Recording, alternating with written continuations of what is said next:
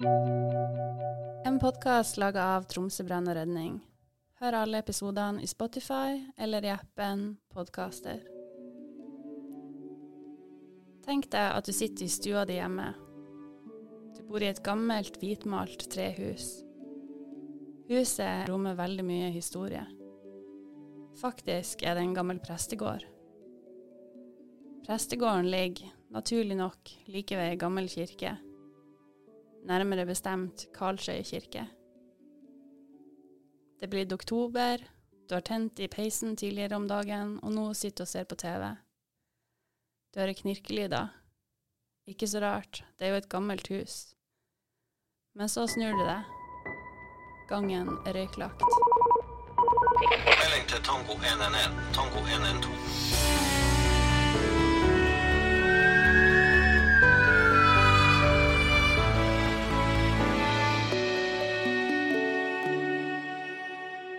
Jeg heter Linn Ramona Pettersen og er kommunikasjonsrådgiver i Tromsø brann og redning. Jeg er ikke gravejournalist, men alltid interessert meg for historiefortelling.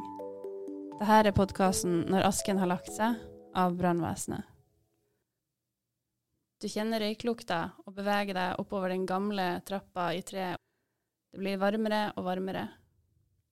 Du ringer naboen og ber han om å ringe nødsentralen til brann 110. Du fortsetter oppover, for du har skjønt at det må være i pipa det brenner. Sånn var det for Stein Elisef Olsen den torsdagskvelden i oktober i 2018. Før vi går videre, må vi skru tida til tidligere på dagen. Stein var hjemme og hadde akkurat fyrt i ovnen. Noen naboer ringer han for å spørre hva det er han fyrer med, for røyken fra skorsteinen hans var veldig svart. På den måten merka han at pipa, eller skorstein som vi kaller det på fagspråket, var blitt varm, og at det var etablert en pipebrann. Først, det var først en liten brann. Det var slett en, eh, en mindre brann, og jeg sprang opp og ned til pipa. Altså selve, selve pipa opp på taket. Og, og prøvde alt mulig, og, fordi at det var jo voldsom røykutvikling der. Så var det en eller annen jeg kom i kontakt med som ga meg et godt råd. Det var rett og slett å kunne prøve å ta små poser med vann og slippe forsiktig ned. Og så bruke salt. Og der sprang jeg opp og ned og opp og ned. og Det var sikkert mange mil jeg tilbakela på den turen der. Men til slutt så hadde jeg klart å få den rett og slett eh, til å stilne av. Det Stein snakker om nå, er et såkalt kjerringråd folk brukte i gamle dager. I dag anbefales det ikke å bruke salt til å slokke brann. Dette er Robert Hammernes, brannforebygger i Tromsø brann og redning. Å bruke salt for å slukke en sotbrann, det kan godt være effektivt. Men eh, når man bruker salt, så utvikles det blåsyregass. Og den blåsyregassen er svært giftig. Så det er ikke noe vi anbefaler å bruke. Og så fikk jeg beskjed om at eh, ja, brannvesenet er på vei. Og når de endelig kom da etter veldig lang tid, så, så da hadde jeg klart å slukke den. Brannen er slokka, og brannmannskapet har forlatt. Så skrur vi klokka igjen. Stein sitter og ser på en serie på TV-en og hører plutselig rare lyder. Så, kommer det jo kvelden, og så setter jeg meg ned og bare ser på en engelsk serie, rett og slett. Og så hører jeg noen rare lyder. Veldig Ja, rørte seg på en måte. Og går opp øverst og begynner å kjenne på pipa. Og der kjenner jeg jo at den er ganske varm. Så det jeg gjør og Jeg skal jo prøve den samme prosedyren på nytt igjen. Men da blir det bare Da smeller det ordentlig, og det begynner liksom å Her begynner røyken å, å sive inn. Så til slutt så sto jeg faktisk eh, ned i hallen. Og det var så mye røyk at jeg rett og slett ikke klarte å, å se. Så jeg, jeg kjenner jo veggene der, så jeg følte meg frem langs veggene og kom meg inn i bestestua. Og der eh, Der var det jo enda ikke røyk. Jeg går inn i peisestua, så ser jeg over peisen.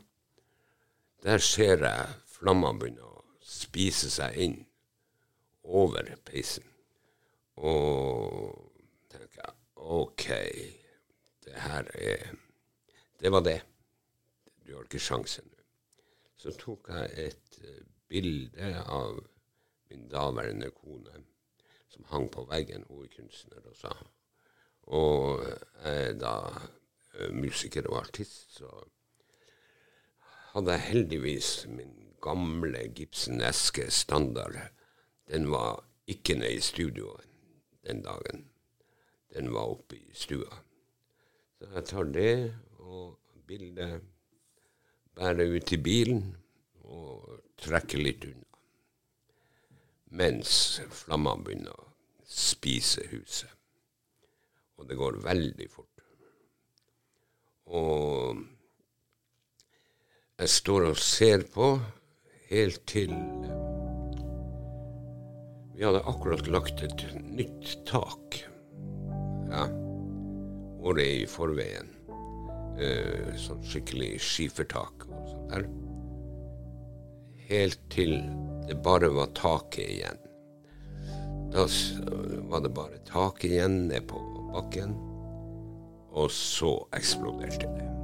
Alle steinene bare.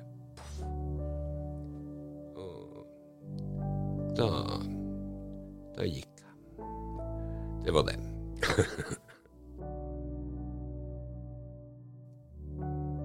Brannvesenet er varsla og er på tur. Slokkearbeidet til Stein har ikke vært til nytte. Og så etterpå så var det jo fullt mediestyr og hele pakka. Avisa Nordlys starta ute på Karlsøy i 1902. pga. På grunn av Alfred Eriksen, som var da en sånn slags opprørsprest. Som ble boikotta av datidens media. Så for å komme ut med, med sine historier og sånn, så starta han rett og slett arbeideravisa Nordlys. Det her var i 1902, for i det hele tatt å ha eh, ja, et talerør. Eh, Han var veldig flink å organisere, så i 1903 kom han inn på Stortinget, han og tre andre ifra området her oppe. Det var ei banebrytende tid.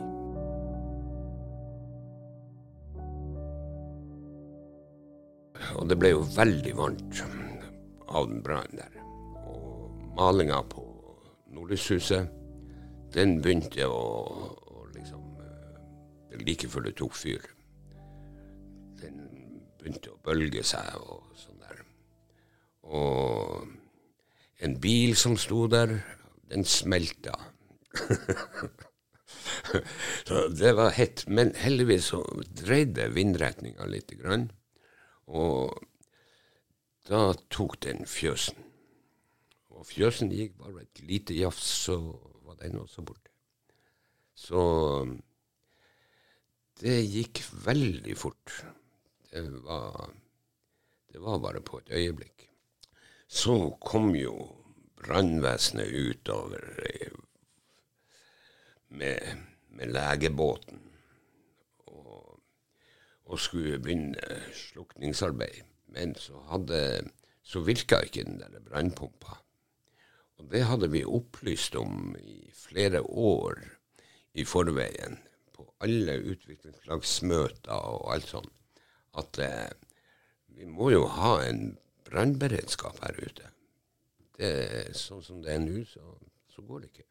Så de eh, dro tilbake til Hansnes for å hente en del Så skulle få den til å fungere. Og så, etter lang stund, så kommer de nå tilbake med en del, og så er det feil del. Eh, ja. Så den brannpumpa, den fikk de aldri opp å gå.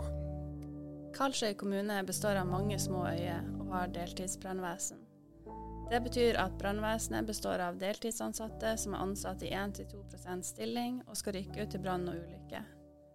Eh, Karlsøy brann og redning består av, eh, består av 30 eh, deltidsansatte i 1 og 2 stilling, der vi har en hovedstasjon på Hansnes med, med, med 10 ansatte i 2 stilling. Vi har en bistasjon på Vannøya i Vannvåg med, med ca. 9 eh, ansatte der i 2% stilling.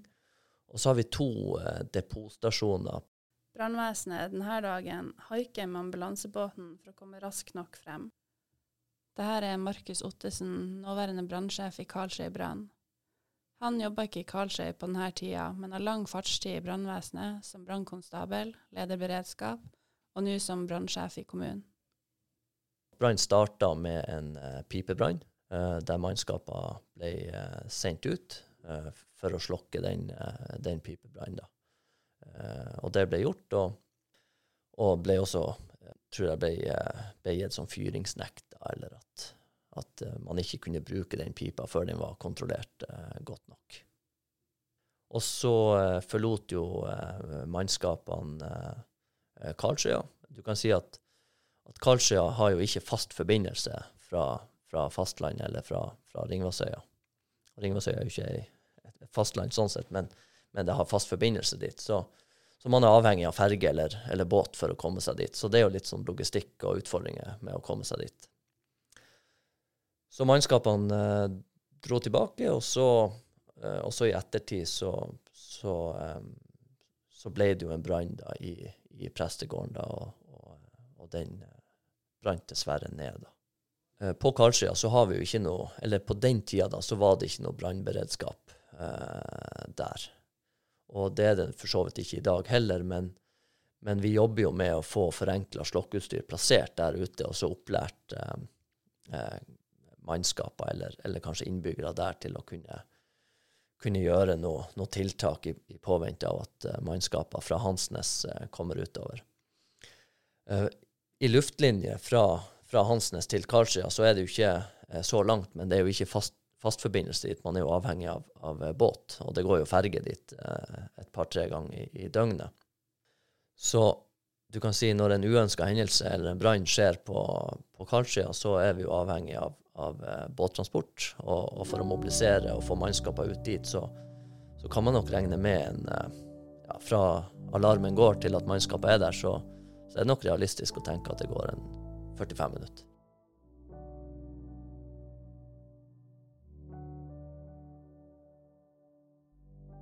Kommunen har en avtale med, med UNN og ambulansebåten på Hansnes som vi kan, kan bruke til forskjellige oppdrag rundt omkring i kommunen. Du kan si den, eh, den ambulansebåten har jo noen begrensninger, eh, for det er en, ganske stor båt, og den kan ikke gå, gå inn eh, eh, overalt. Den kan ikke bare gå opp i, i, i fjærsteinene, sånn som kanskje mindre båter kan. Men den kan legge til kaier eh, og større flytebrygger rundt omkring i kommunen. Eh, men i, i, denne, i denne hendelsen så var ikke det noe utfordring, for det. der er det jo ei stor fergekai, så, så ambulansebåten har ingen problem med å, å legge til eh, der. Når vi går i innsats eh, andre runden, eller, eller først for å begynne med hvordan det så ut der, så meg fortalt så er det jo at da er det jo en, en pågående brann, og, og brannen har tatt seg, tatt seg godt opp. Sånn at det å, å gå, i, gå i gang med, med slokkearbeid var jo viktig å komme tidlig i gang der. da, og, og som jeg sa i stad, så tar det jo tid å komme seg utover dit, så, så det gjør jo at, at når, når brannen tar seg opp, og sånn, så går det jo raskt. Det, det kjenner vi jo til. Så mannskapene kom jo ut med, med båt og hadde med seg pumpe, og så, eh, og så ble brannbil, og det eh, kom, eh, kom etterpå med, med ferge. Sånn at i første omgang så ble det sendt ut mannskaper med, med forenkla slokkeutstyr og, og pumpe som de kan plassere i fjæra, og, og, og få trøkk og, og vann på, på brann, for å bruke det uttrykket. Brannvesenet er endelig fremme, men det er et nytt problem. Den gamle brannpumpa som brukes til å hente vann fra havet, er ødelagt. Etter jeg snakka med, med mannskaper som kjenner bedre til hendelsen enn meg, så, eh, så var det jo eh, På Karsia så kan det være altså, dårlig vær. Det ligger jo litt værutsatt. Det, og det å plassere ei brannpumpe i, eh, i fjæra eh, med, med den sugeslangen Så når det er dårlig vær, så ligger jo bølger og slår på denne sugeslangen, sånn at eh, Skal ikke bli for teknisk, men for en, eh, enkelt sagt så når det går vann inn, inn i sugeslangen blanda med luft, eh, når, når bølgene ligger og slår at den suger inn luft og vann, da, så får du ikke det ønska trykket. da. Så det kan, kan gi, gi utfordringer da, for å få vann eh, opp til brann. Og, eh, og det kan jeg ha skjønt kan ha vært en av utfordringene her. At, em, at det var for store bølger som gjorde at, at det var for mye vandring på sugeslangen, og at, em, at man fikk ikke det ønska trykket. Vanntrykket, da. Som man skulle slokke brann med. Altså Det blir jo litt sånn Det her er jo en stund siden, og, og det går jo gjennom flere ledd. Men, men sånn som jeg forstår det, så, så er det at eh, brannpumpa i seg sjøl fungerte, men det var på en måte teknikken eller måten det ble gjort, kombinert med været, som gjorde at, eh, at man ikke fikk det, det ønska trykket på, på vannet. Og så kan man jo si at det kan jo være flere årsaker til det. Det kan være at man kanskje ikke hadde lang nok sugeslange. Det kan være at det var, var lang fjæra der det, der det, der det var. At, at du kan si for å, for å få slangen eh, dypt nok i sjøen, da, så måtte nesten pumpa løftes ut i sjøen. Og da sier det seg jo sjøl at, at, det, at det ikke går. Så at det var utfordrende for, for mannskaper som, som eh, som ikke har det her som, som en 100% jobb, det, det tror jeg man skal, skal ta, ta på alvor. Det å være ansatt som 1 og 2% deltidskonstabel i, i et brannvesen i små kommuner er, er utfordrende. Grunnen til at vi har 1 og 2% stilling, for å ta det først, så, så er det på de depotstasjonene så er det mindre utstyr, så det krever på en måte litt mindre trening. Derfor er det satt til, til 1% stilling. Eh, 2% stilling det er på de, de hovedstasjonene på, på Hansnes og, og i Vannvåg, eh, som har litt mer utstyr og, og krever litt mer trening. 2% stilling det, det tilsier at vi, vi trener ca. Eh, 39 timer i året fordelt på, på, på ett år. da. Så vi prøver å ha tre timer i måneden trening, der vi har oppmøte én gang i måneden, og så trener vi, eh, vi tre timer. Det som er viktig da, er jo å ha planlagt øvelsene godt, sånn at når du kommer på øvelser, så er det, så er det, så er det egentlig bare å gå i gang, og man får brukt den tida effektivt. For, for 39 timer trening i løpet av et år eh, er ikke mye. For, for at en, en, en brann eller en ulykke, altså trafikkulykke eller hva det måtte være, det er jo, eh, det er jo på en måte likt uansett om det er et heltidsbrannvesen eller et deltidsbrann- deltidsbrannvesen som kommer til. Så jeg skal ikke si at det krever mer av mannskapene, men, men, eh, men klart de er ikke like godt øvd og trent som et heltidsbrannvesen. Og det må man ta høyde for i, eh, i, i treningen, og prøve å, å få dem så godt trent som overhodet mulig eh, med de timene man har til rådighet. Karlsøy brannvesen er tilknytta 110-sentralen i Tromsø. Det betyr at om du ringer 110-sentralen på Karlsøy, er det noen i Tromsø som tar telefonen. Så i, i Karlsøy kommune da, så har vi ca. mellom 25 og 30 uønska hendelser i, eh, på ett år, eh, fordelt eh, i kommunen. Og, og du kan si i, i sårbare perioder, f.eks. sommerferie, jul, nyttår, påske og høytider generelt, pinse osv., så, videre, så når vi ser at OK, nå kan det være vanskelig å få tak i mannskaper, stati statistisk sett, så, så setter vi opp eh, egne vaktordninger for de periodene der vi har tre eller fire mannskaper på hjemmevakt. Og Da betyr det at da kan de ikke dra ut av kommunen, da må de være i kommunen eh, og, og, og tilgjengelig for, for brannvesenet. Så får de jo ekstra betalt for det. Så det har vi hatt eh, de siste årene, og, og det fungerer bra. Og til nå, så lenge jeg har vært leder der ute, så har, så har vi ikke hatt hendelser der vi ikke har kunnet sendt mannskaper. Utfordringa den, den er i, i, alle små kommuner som har deltidsbrannvesen. I en liten kommune som Karlsøy kommune, så er, jo, så er det jo sånn at alle kjenner jo alle stort sett, eller alle vet i hvert fall hvem hverandre er. Sånn at det å komme ut dit som, som brannmannskap for å skulle, skulle, gjøre en så viktig innsats på et så viktig eh, bygg, det, det, er utfordrende. Når de brannmannskapene kom frem i andre runde, og det var overtent, så, så, du, så kan du si at brann var kommet så langt at det var eh, vanskelig å slokke den brannen. Eh, skulle man hatt den slokka, så burde man kanskje vært der eh, en time tidligere. Så det var nok utfordrende for dem. Og det, det meg fortalte i ettertid, da, så, så, ble det jo litt Det ble jo litt eh, snakk om det, både bygdesnakk og, og, internt i kommunen, på rådhuset, og det ble, det ble vel også noe i avis, avisskriverier om det og sånn. Så det var, det, eh, det var tøft for mannskapene å stå i. Så, men, men eh, når jeg kommer utenfra og ser det fra et annet perspektiv enn kanskje de gjorde da, så, så tenker jeg at de mannskapene som, som, var der ute og gjorde den innsatsen de gjorde, de gjorde det så godt som de kunne med de forutsetningene de, de hadde. En skorstein på hvilket som helst hus er faktisk dimensjonert for og skal tåle en pipebrann. Men forebygging er likevel det sikreste kortet å satse på. Dette er Robert Hammernes, brannforebygger i Tromsø brann og redning.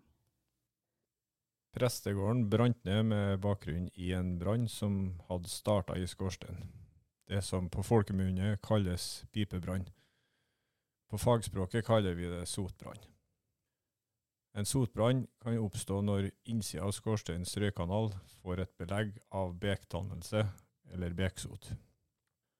Beksot oppstår i skorsteinen av ulike årsaker, gjerne en kombinasjon av flere forhold dersom man har hatt fuktig ved man har fyrt med, eller om man stenger trekkene for mye, slik at man ikke oppnår fullstendig forbrenning, kan det over tid dannes beksot i skorsteinen. Om man også fyrer med furu eller gran som ikke har fått tørka lenge nok, eller gamle bygningsmaterialer av disse tresortene, kan det oppstå bek i skorsteinen på bakgrunn av kvaen i gran og furu. Skal man i så fall fyre med gran eller furu, må man sørge for at man har god temperatur i ovnen fra før av.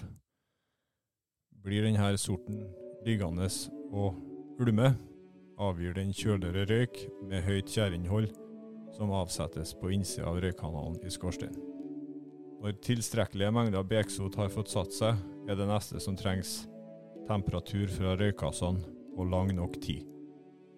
Det som gjør en sotbrann litt skummelt, er at beksoten krever en temperatur på ca. 160 grader for å antennes. Når vi vet at et eldre ildsted ofte har en utgangstemperatur på røykasten på 350-390 grader, og nyere ildsteder 275-300 grader, at en sotbrann lett kan oppstå ved langvarig sammenhengende fyring. Gjerne ved såkalt rundfyring, når man hiver innpå noen ekstra kubber før man går og legger seg for kvelden, og samtidig stenger ned på trekkene for at fyringa skal trekke ut i tid over natta. Det er gjerne derfor pipebranner meldes inn enten i løpet av natta eller tidlig på morgenen. Dersom en sotbrann får muligheten til å herje fritt ei god stund før den blir oppdaga, kan temperaturen innvendig i skorsteinen komme opp i så høye temperaturer som 1100-1300 grader og 200-300 grader på utsida av skorsteinen. Da forstår man litt bedre hvorfor en teglskorstein ikke er tillatt tildekka med brennbart materiale. Den vedsorten som vi anbefaler å bruke, er det som vi kanskje har enklest tilgang på, og det er jo bjørk. Eh, man kan også fyre med gran og furu, men da må man bare sørge for at den veden er tørr nok, og at du har god nok temperatur i ovnen fra før av. Det som kan skje hvis du fyrer med feil type forbrenningsmateriale, for å kalle det det, det er jo at du får eh, avleiringer, avsetning ifra røykassen, da. Etter brannen i prestegården reiser våre brannforebyggere tilbake til Karlsøy. Brannforebyggere er det som tidligere var kalt feier. Tittelen til faget endra seg i 2021 fordi faget inneholder så mye mer enn kun feiing av skorstein. Dette er Vårin Hofsøy, brannforebygger i Tromsø brann og redning. Man skiller ofte på å gå tilsyn og utføre feiing, men i realiteten så er det tilsyn som vi gjennomfører, både innvendig i bygget og utvendig, ofte da fra taket. Og så rengjør vi med å feie skorstein dersom vi ser at det er behov for det. Når vi er på tilsyn og feiing, så ser vi bl.a. på hvordan skorsteinen er satt opp, tilstanden på den, og om det er synlige skader. Og vi gjør også eventuelt en kontroll med kamera innvendig for å avdekke skader som gir potensiell risiko for brannsmitte ved en eventuell sotbrann. Vi ser også på ildsteder og om hvordan de er montert, hvor nært de står brennbare materialer, både innvendig og utvendig tilstand på ildstedene, og vi kartlegger hvor mye de er i bruk, hva som fyres i dem, og eventuelt veilede om riktig fyringsteknikk. Vår lovhjemmel er kun knytta mot fyringsanlegget. Et fyringsanlegg er ildsted som du fyrer opp i. Røyken går gjennom røykrøret og inn i skorsteinen, og ut gjennom det som folk flest kaller for pipa. Men vi ser alltid etter å informere om både krav og anbefalinger i forhold til både røykvarslere, slukkemiddel og rømningsveier.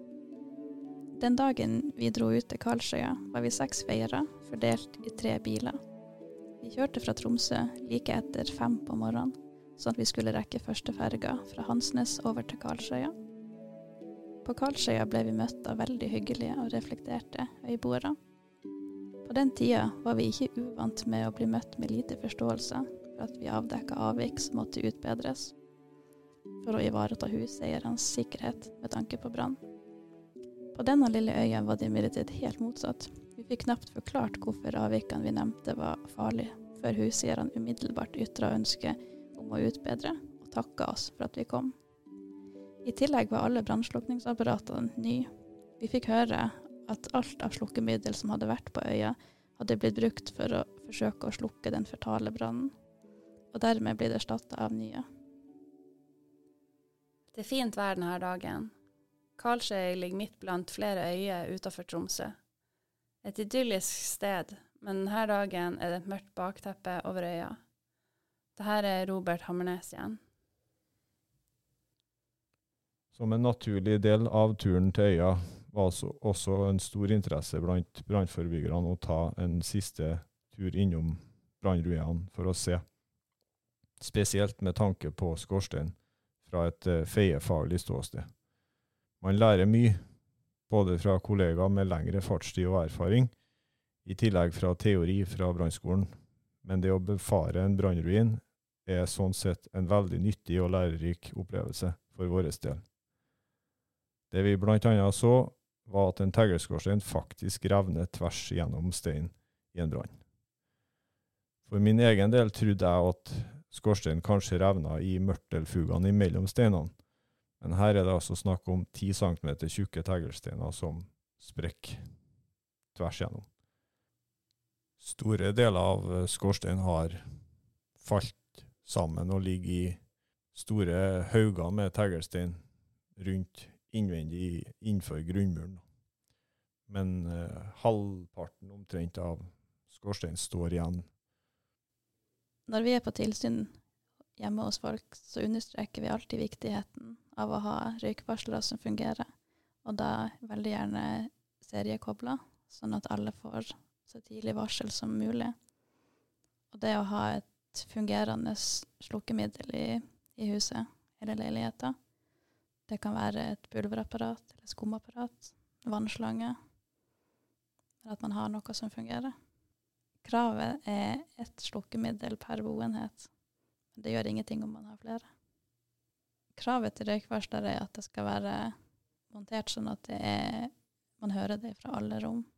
Vi anbefaler å ha røykvarslere montert i alle rom hvor det er elektriske installasjoner. Spesielt soverom hvor det bor unger, på vaskerom og i stue. Det man sjøl kan gjøre for å forebygge beksot i skorstein ved fyring, er riktig fyringsteknikk. Med det her så mener vi god tørr ved, at veden gjerne er kløyvd i passelig store kubber som antenner lettere. God tilførsel av luft, både fra rommet ildstedet står i, men også til ildstedet ved at trekkene ikke er stengt for mye, spesielt i opptenningsfasen. Spesielt for nye renbrennende ildsteder er det også viktig at anbefalinga om å tenne på veden fra toppen i hermetegn føles. Tenner man opp på denne måten, oppnår man raskere en høy nok temperatur i ildstedets brennkammer. På denne måten får man også raskt oppdrift i skorsteinen. Dette er også en opptenningsmetode som gjerne kan benyttes på eldre, ikke-rentbrennende ovner også, men her er det ikke like avgjørende. Et ikke-rentbrennende ildsted er eldre ovner fra før 1997. Har man da et ildsted fra 1950-1960-tallet, er det det vi kaller et ikke-rentbrennende ildsted. Den har ikke den rentbrenningssystemet i ovnen. Hvis du har et ildsted som er fra før 1997, så anbefaler vi å bytte det ut i et nytt rentbrennende ildsted. Det anbefaler vi med bakgrunn i eh, at du har en lavere forbruk av ved, men også på bakgrunn av miljøkravet da, til nye ildsteder. Og som vi alle brannforebyggerne kanskje presiserer ekstra nøye når vi er ute på vårt tilsyn, er jo at det viktigste du som beboer i et hus kan gjøre dersom du opplever en brann i din egen bolig, det er først og fremst å berge alle sammen ut av huset. Og deretter varsle brannvesenet. Brannvesenet skal verne om liv, miljø og materielle verdier, og det er beredskapsressurser i alle kommuner. Men i distriktene er ofte hjelpa lenger unna. Det er også forskjell på hvilke typer ressurser de ulike kommunene har. I dag er Karlsøy fortsatt et deltidsbrannvesen. Brannvesenet består av 30 deltidskonstabler i henholdsvis 2% og 1% stilling, fordelt på brannstasjonene og branndepotene. De har en beredskapsleder i 100% stilling som ivaretar utstyr, men også øvelser og oppfølging av mannskaper. Sommeren 2022 oppretta de egen brannforebyggertjeneste, eller det vi tidligere kalte feiertjeneste, og de har ansatt egen brannforebygger som ivaretar tilsyn og feiing av villsteder. Karlsøy kommune har fortsatt brannvernsamarbeid med Tromsø brann og redning. I samarbeidet inngår avtale om kjøp av overordna vakt.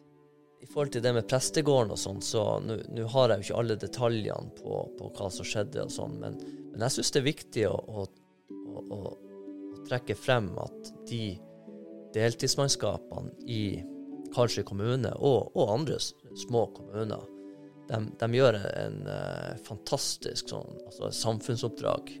Altså, de gjør ikke det pga. lønn eller, eller den type eh, ting. De gjør det for at de har lyst til å bidra inn til samfunnet og være en sikkerhet for, for innbyggerne. Og, og det gjorde de mannskapene som også prøvde å slokke den brannen på, på prestegården. Prestegården på Karlsøy er godt kjent. Stein kjøpte huset på 70-tallet, og opp gjennom tida har det vært et tilholdssted og utstillingsvindu for kunst, musikk og kultur. For Karlsøy var prestegården et landemerke.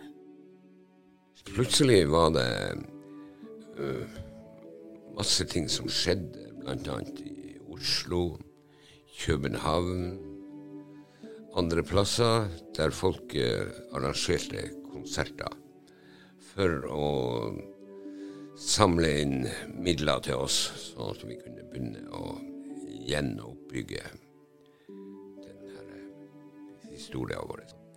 Eh, Det var, det var stort trøkk av eh, artister overalt som ville være med på de her støttekonsertene.